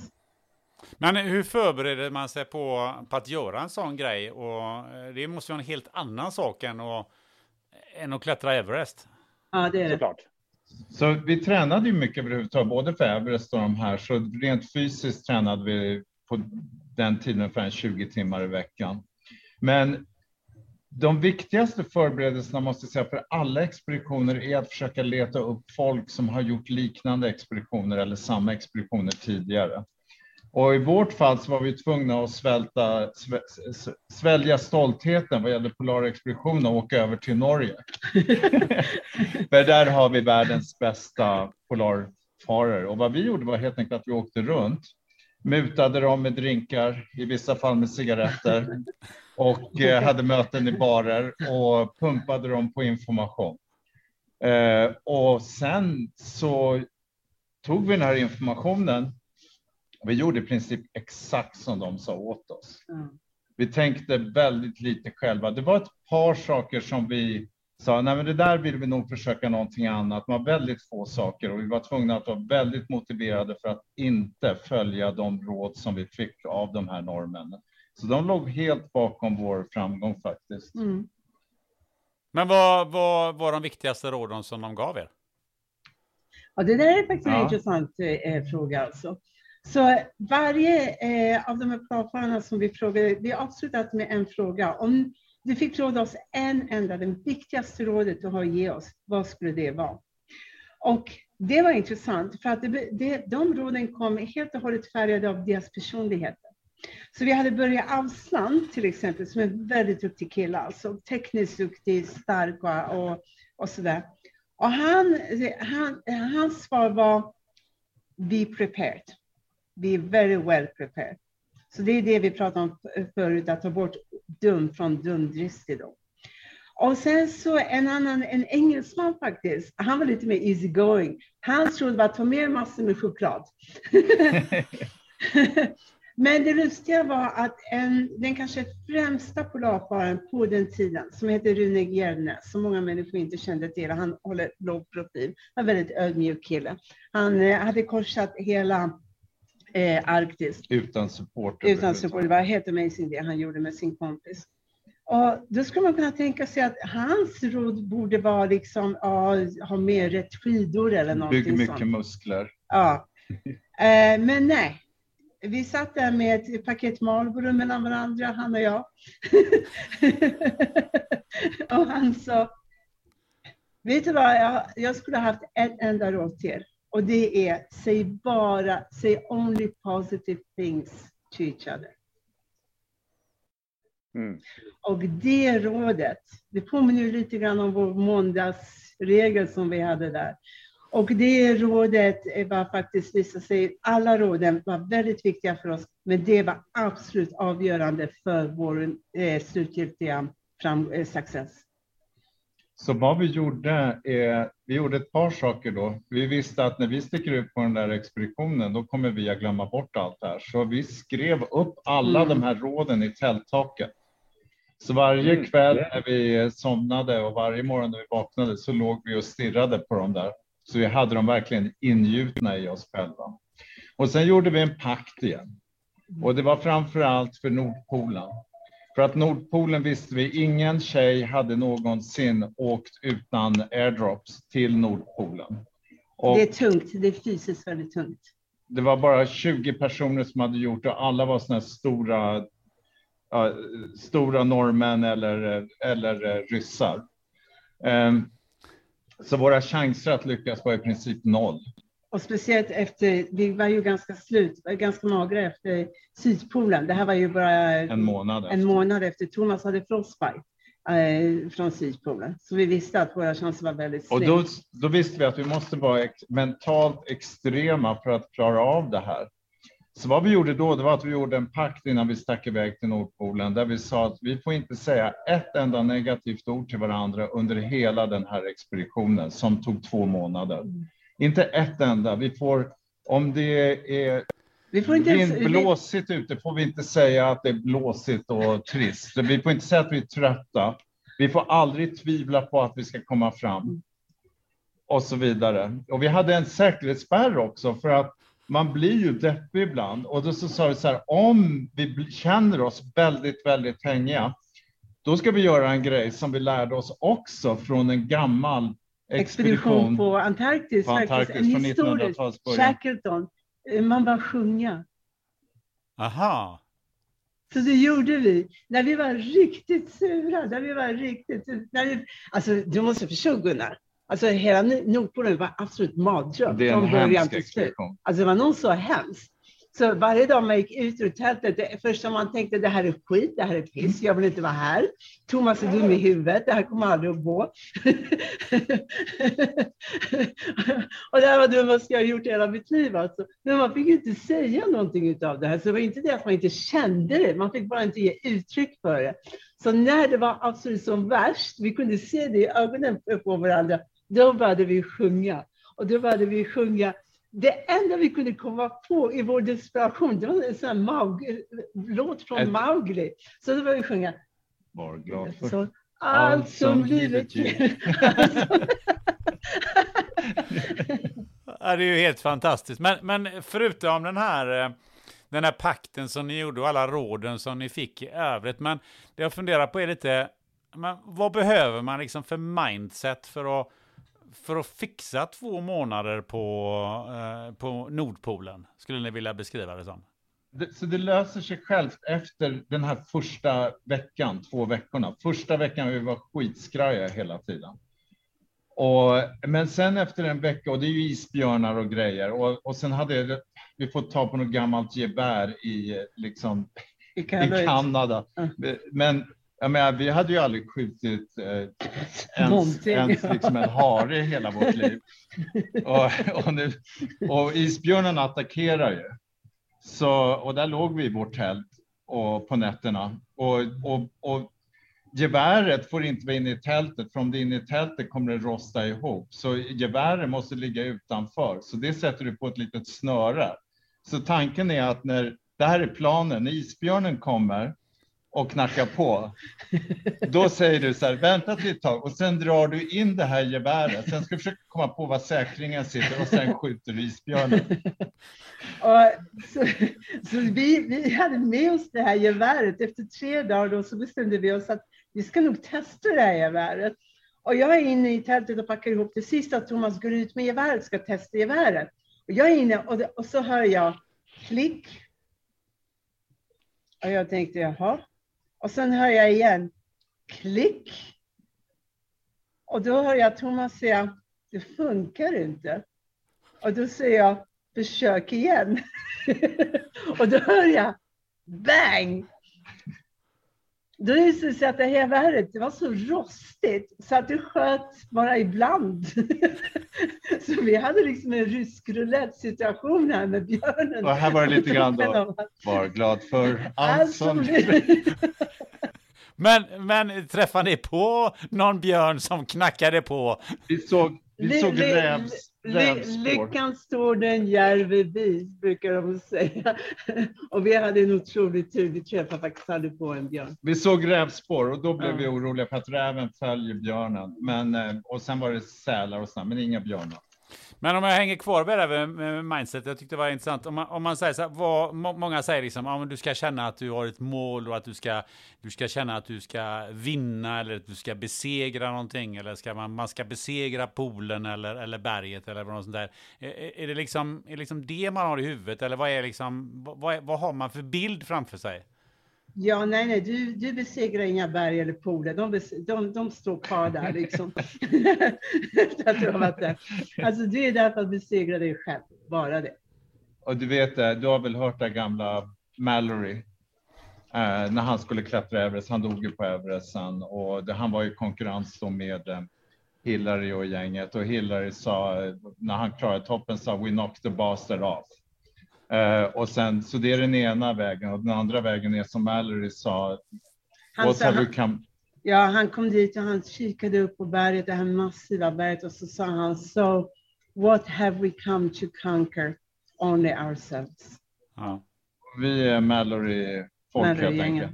ja. Mm. Eh, det är för, för en annan som sitter där och det är två minusgrader ute och det är lite snö sådär så, eh, så tycker man att det är, oh, var kallt att gå ut idag. Eh, men eh, hur hanterar man, eh, man kylan på, ja men det är ju både Nord och Sydpolen? Ja, det är genom att lyssna väldigt noggrant på norrmännen och göra exakt som de har sagt. Så det är massa, det, det här händer inte bara av sig självt, utan det är utrustning och rätt val då. Vad man måste ha klart för sig är att det är stor skillnad på en, det är lika stor skillnad på en expedition till Sydpolen i förhållande till Nordpolen som det är till att klättra Everest. Så Sydpolen är extremt torrt klimat, väldigt blåsigt. Nordpolen är extrem fuktighet på grund av att det är, man åker ovanpå vatten hela tiden. Det inkluderar till och med öppet vatten där man måste hoppa i och simma för att kunna ta sig fram. Måste ha någon sorts eh, torrdräkt då, eller hur fasen tar du dig i sånt vatten? Helly Hansen tillverkade en väldigt tunn torrdräkt åt oss som vi kunde ha ovanpå alla våra kläder. Och sen hoppade vi i vattnet, simmade över slädarna. Vi hade två slädar var, de flöt. Så vi boxerade dem samtidigt som vi simmade, hoppade upp på andra sidan, tog av oss torrdräkten och drog upp slädarna. Ibland så kunde vi ligga ovanpå släden och pall, eh, bara paddla. Paddla, ja. Ungefär som på en surfbräda. Men Nordpolen har minus, eh, vår termometer som vi hade med oss gick i botten på minus 55 grader, så vi vet inte riktigt hur kallt det var. Och första månaden hade vi inte en enda dag som var varmare än minus 45. Så vad, vad som händer är att du kan inte ta med dig en penal in i tältet. För att när du eh, börjar laga mat och sånt, då kommer allting som är tyg och sånt, det kommer samla på sig vätska som kommer att frysa. Eh, ånga, allt det här. Så att din utrustning kommer snart att väga 20-30 kilo mer än vad den gjorde från början och det orkar du inte. Du är så tajt på vikt alltså. Jag tror, var- jag vet inte om det var Skinnamon som sa att man halverat tandborsten. Det är precis vad man gör. Alltså, det är så tajt det är. Eh, Så vad man måste göra i det här fallet är helt enkelt att man, när du kommer fram, när du ska slå upp tältet, vi hade en väldigt exakt eh, teknik för det här. Så jag hade alltså tändaren i min bh för att jag hela tiden skulle hålla den varm så att vi skulle vara säkra på att vi kunde få upp eld fort.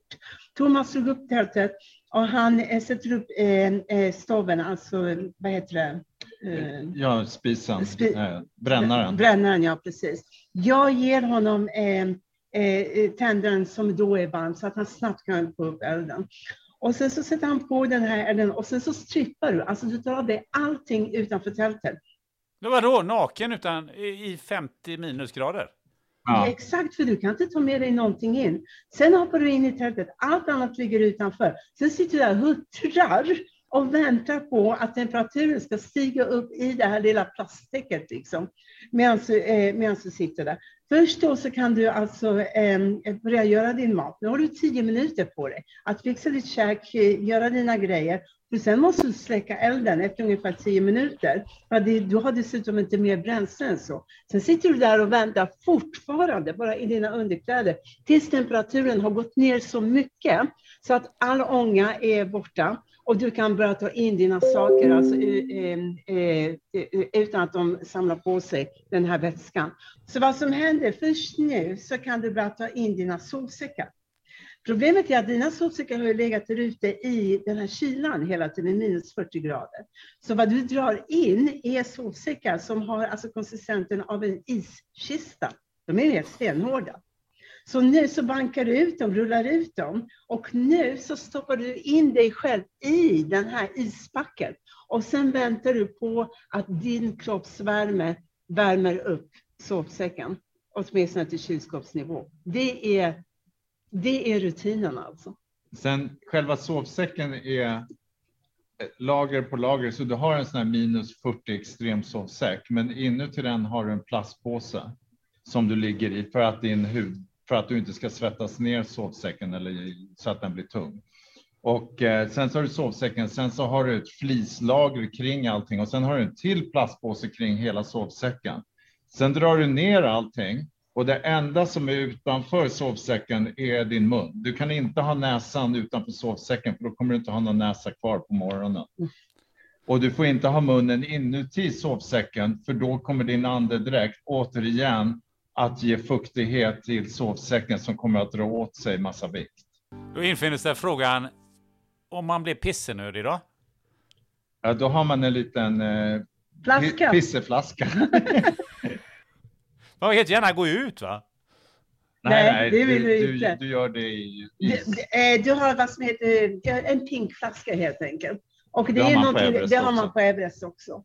Och du, du märker med ett stort svart eh, kors så att du inte tar den för din juiceflaska. Men en, en sak jag eh, funderar på. Eh, men vad har ni på er när, ni, när, man, eh, när man rör på sig? För man måste bli rätt svett. Det är jättespännande va? för att eh, Gore-Tex och allting sånt där, det flyger ut genom fönster, genom dörren. Och in kommer gammal ull. Mm. För att ull är det enda material som klarar av att hålla värmen när det är blött. Ehm, så att eh, det är norska skorna som vi använder när vi skidar har någonting som heter en katanga i sig. Det är en väldigt tjock yllestrumpa som användes på Amundsens tid för över hundra år sedan.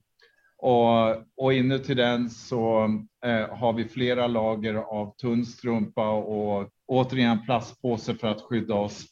Och sen så närmast kroppen har vi också ylle hela tiden. Och så pudrade fötterna också för att du inte ska få skavsår Ja. och sånt. Det är väldigt mycket sådana detaljer. Det är verkligen Mycket små knä, eh, knep. knep. Ja. Det är många expeditioner som, som faktiskt har, många försök som har blivit eh, eh, wrecked på grund av sådana här små detaljer. Alltså. Hur man måste ha päls kring sig. Eh, för att det finns inget annat material som klarar av att ta upp så. Och det lär man sig av eskimåerna. Ni slapp ju isbjörnarna där, men, men eh, hur, hur var det med andra saker? Klarar ni er från eh, olyckor och, och eh, sånt på de här eh, två... Vad, hur länge var det? Ni var på, på två månader på... Två månader. 67 dagar Nordpolen. Ja, alltså, vi- ja, vi klarar oss fast med nöd och näppe om jag ska vara helt ärlig. så det första här stora utmaningen var ju Thomas frostskada på hans tå. Eh, det ansågs på den tiden att om du har en frostskada, du åker hem och du, du får det fixat hemma. Men i vårt fall så vi lyckades faktiskt, mycket tack vare vår erfarenhet skulle jag säga vid det här laget, så lyckades vi faktiskt att eh, eh, heal hans skada. Så han, han eh, faktiskt eh, bli av med den här frostskadan. Men vad som hände sen, kanske det värsta som hände oss på hela den här expeditionen, och det är faktiskt det värsta som har hänt oss hittills på alla våra expeditioner, det var, jag tror att vi var tio dagar ifrån polen. Och eh, vi skidade fram det, vi var ju helt slut alltså. Det, var- det var varje dag var verkligen en väder alltså. Väldigt osäkert om vi skulle klara det. Vi hade väldigt ont om proviant och eh, mycket uppbruten is framför oss och det, vi hade verkligen alla oddsen mot oss. Så vi var i lite halvtrans när vi bara skidade på det sista vi hade. Och helt plötsligt så hörde jag ett skrik, jag var lite före Thomas, så hörde jag liksom ett skrik bakom mig. Och då tittar jag bakåt, där ser jag Thomas ligga på isen faktiskt, med släden över sig. Och eh, jag eh, skidade eh, tillbaka till honom snabbt och eh, då är han medvetslös. Och eh, har släden över sig. Och jag, vet faktiskt, jag visste inte vad som hade hänt. Men jag visste det som, när du befinner dig i den här typen av kyla, vad som händer det är att det som håller dig varmt är alltså din egen rörelse, din egen kroppsvärme. Det betyder att om du stannar så, alltså det, så, så kan du frysa ihjäl väldigt, väldigt fort. Det kan alltså gå på en kvart. Så jag visste att vad jag måste göra här är att jag måste få in Thomas i en sovsäck och in i tältet fort som attan alltså. Så jag slänger ifrån mig all min utrustning, jag får upp ett tält, jag får ut eh, hans sovsäck ur hans eh, eh, släde. Lyckas släppa in honom och få in honom i den här sovsäcken eh, för att eh, eh behålla hans eh, värme uppe. Då. Jag vet fortfarande inte vad som har hänt. Jag är lite chockad över att han är medvetslös. Och, men jag vet också att vi är oerhört beroende. Det finns inte en pinal som vi inte är beroende för, för vår livhank. Alltså, så jag måste samla ihop alla grejerna nu, se till så att saker och ting inte blåser iväg, flyter iväg, whatever. Och för att eh, kunna göra det här snabbt så har jag dessutom tagit av mig skidorna för att få eh, upp tältet och allt det här. Så när jag nu springer runt där och eh, letar efter våra grejer så tänker inte jag på att jag har inte skidorna på mig. Så jag har ingenting alltså som eh, vad heter det, level? Ja, som eh, fördelar vikten över isen.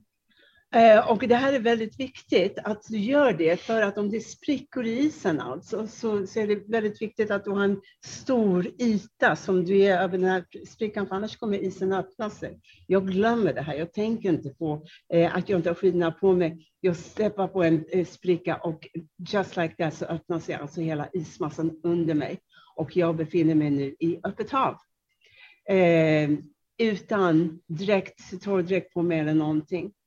Så då ser jag omkring det och så tänker jag, det är verkligen alltså från eh, askan i elden, tycker jag, vad fan gör jag nu? Så jag simmar omkring där och så nu försöker jag ta mig upp på isen eh, så snabbt som möjligt. Men varje gång jag försöker eh, häva mig upp så bryts isen av.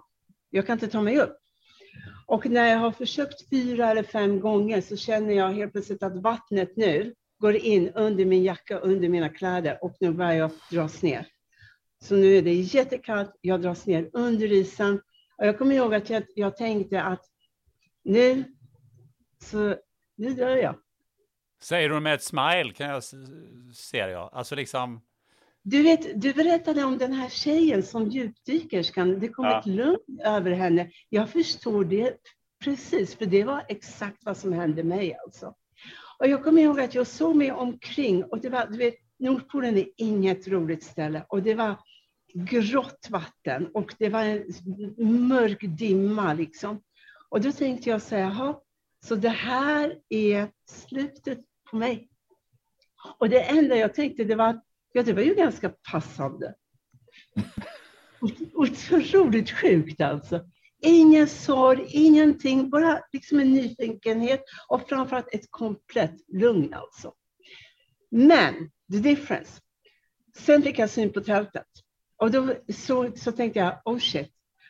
Om Thomas kommer till sina senses, han kommer kravla sig ut här at some point och han kommer hitta mig infrusen på det här sättet. Och tanken för mig att utsätta honom för en sån smärta, alltså för en sån syn, det fyllde mig faktiskt med helt nytt adrenalin. Jag tänkte bara, jag tänker inte göra det mot honom. Och då så fick jag flashbacks alltså i huvudet, jag är dykare också, så kom jag ihåg, just det, man fyller lungorna med luft. I samma ögonblick som jag tänkte det så fick jag syn på min skidstav. Den låg alltså en meter borta vid, liksom på isen. Så vad jag gjorde var att jag bara drog in luft i lungorna vilket gjorde att jag, jag, blev, jag fick buoyancy, jag blev nästan som en flytväst inuti min kropp. Kommer upp tillräckligt mycket ovanför isen så jag kastar mig upp och tar på den här skitbålen. Sätter den i isen, så nu har jag någonting att hålla i. Och så bara drar jag mig upp på eh, iskanten. Och så klarar jag mig. Så nu låg jag där och chippade efter armband. Då tänkte jag, här, jag dog inte. och nu liksom tipptoar jag tillbaks till tältet till Thomas, för nu är jag väldigt medveten om att jag inte har skidorna på mig. Och nu tänkte jag, oh my God, God bless alltså. Så nu strippar jag av mig, nu är alla mina kläder helt dyngsura. Så nu strippar jag av mig och, så, och nu hör jag Thomas röra sig där inne och han faktiskt pratar, jag blir så otroligt glad. Och jag är så här, varför tar det så lång tid för? Och Tina säger, ja men jag trillar i vattnet. Jag sa, ja ja men det är väl ingen big deal för att vi brukar ofta gå ner med en fot eller någonting i vattnet bara. Så jag ser henne dyka upp i tältöppningen. Det bara helt dyngsur från hår och allting. Och alla kläderna ligger kvar där ute. Så vad jag gör då det är att jag eh, helt enkelt hoppar in i en sovsäck själv. Men han är fortfarande, han kan prata med, han är fortfarande alltså helt eh, eh, Eh, ja, förlamad. förlamad. Jag kan inte röra mig. Så nu har jag en ny situation här. Va? För att vi, jag vet att det finns inte ett plan som kan nå oss alltså, i rätt tid. För att det är så dimmigt så att det, det kommer att ta alltså, i bästa fall ett par dagar innan öppnar. I värsta fall upp till liksom, en vecka, kanske två veckor. Så jag måste göra något. Här. Så vad gör man? Och, eh, så vi hade en satellittelefon med oss. Så jag helt enkelt tar upp den här satelliten och sen så ringde jag, tro det eller ej, men jag ringde alltså 90 000 i Sverige. Det är typ 1177 idag eller något sånt där, eller 112. Ja, det, det brukar heta 90 000. ja, just det, det var 90 000 på den tiden. Ja. Ja. Så jag ringer då 1177 och så, så får jag ta på någon sköterska där och jag, och jag säger henne, du, det här kommer att låta otroligt konstigt. Men det är så här, jag och min man, vi är på väg mot Nordpolen och så vidare och så vidare. Då. Och han ligger förlamad, jag måste få prata med läkare för jag vet inte vad jag ska göra. Och som tur var så hade det varit lite tidningsartiklar om oss i Sverige så att de visste, de kände till oss, någon där visste, visste vilka vi var, var, vart vi var på väg. Så jag fick tag på en läkare. Och då den här läkaren, han sa, ja men det här liksom, okej, okay, så han, Ja, normalt så hade jag sagt att ni ska vila i en vecka, men jag tror att det inte funkar i det här läget. Så sa han så vi ska se vad vi kan göra. Så det första jag kolla det var att Thomas inte hade brutit ryggen. För vad som hade hänt var att han släpade eh, släden ner för ett isberg. Och släden kom ner och helt enkelt alltså träffade honom i, I nacken. nacken. Så då så sa läkaren, vi ska kolla att han inte har brutit nacken till att börja med. Och det gör man genom att man knackar på alla kotor. Och då hade han med att göra det på Thomas och eh, om du har brutit nacken då får du väldigt ont alltså vid just den kotan. Men vi hade tur, han hade inte ont någonstans. Så efter att vi hade gjort en, eh, eh olika undersökningar på Thomas så visade det sig att Thomas hade eh, fått något som kallas för brachial stun. Och det är alltså någonting du får i karate när de slår dig väldigt hårt över nacken. Så om man träffar dig på fel eh, sätt, på fel nerv, så du faktiskt blir helt förlamad. Men det, du har inte brutit nacken. Och då sa den här läkaren, han kommer, han kommer att ha problem med det här två, tre dagar. Så egentligen det borde ligga platt, för han kommer inte kunna göra mycket. Men han kommer börja bli lite bättre redan på morgonen. Och då är det okej okay för att fortsätta att skida. För han förstod liksom att det var liksom, liksom pest eller kolera här. Så vad vi gjorde på morgonen, det var att vi tog en av våra madrasser och sen så med duct tape så tejpar vi madrassen kring halsen på Thomas som ett slags stötförband. Jag klädde på mig mina dyngsura kläder för att det går inte. Det vi, hade ju bara, vi hade ju bara ett, vi hade inga ombyten med oss. Vi hade ett set kläder med oss när ja. vi åkte iväg. Men du, du tog på dig dyngsura kläder och gick ut i 50 minus? Japp, ja. ja. vad skulle jag göra? Och vad du gör då, det är helt enkelt att sen skidar du det fortaste du har skidat i hela ditt liv, ungefär 10 minuter. För att då kommer din kroppsvärme att värma upp vattnet i de här kläderna. Det blir som en termos och då är du varm. Och på det sättet så tog vi oss, vi, eh, tio dagar senare, Thomas med madrassen kring halsen, jag i mina eh, eh blöta kläder, tog, stod framme vid Nordskolan. Sjöng, vi den där sången från eh, Djungelboken lite till.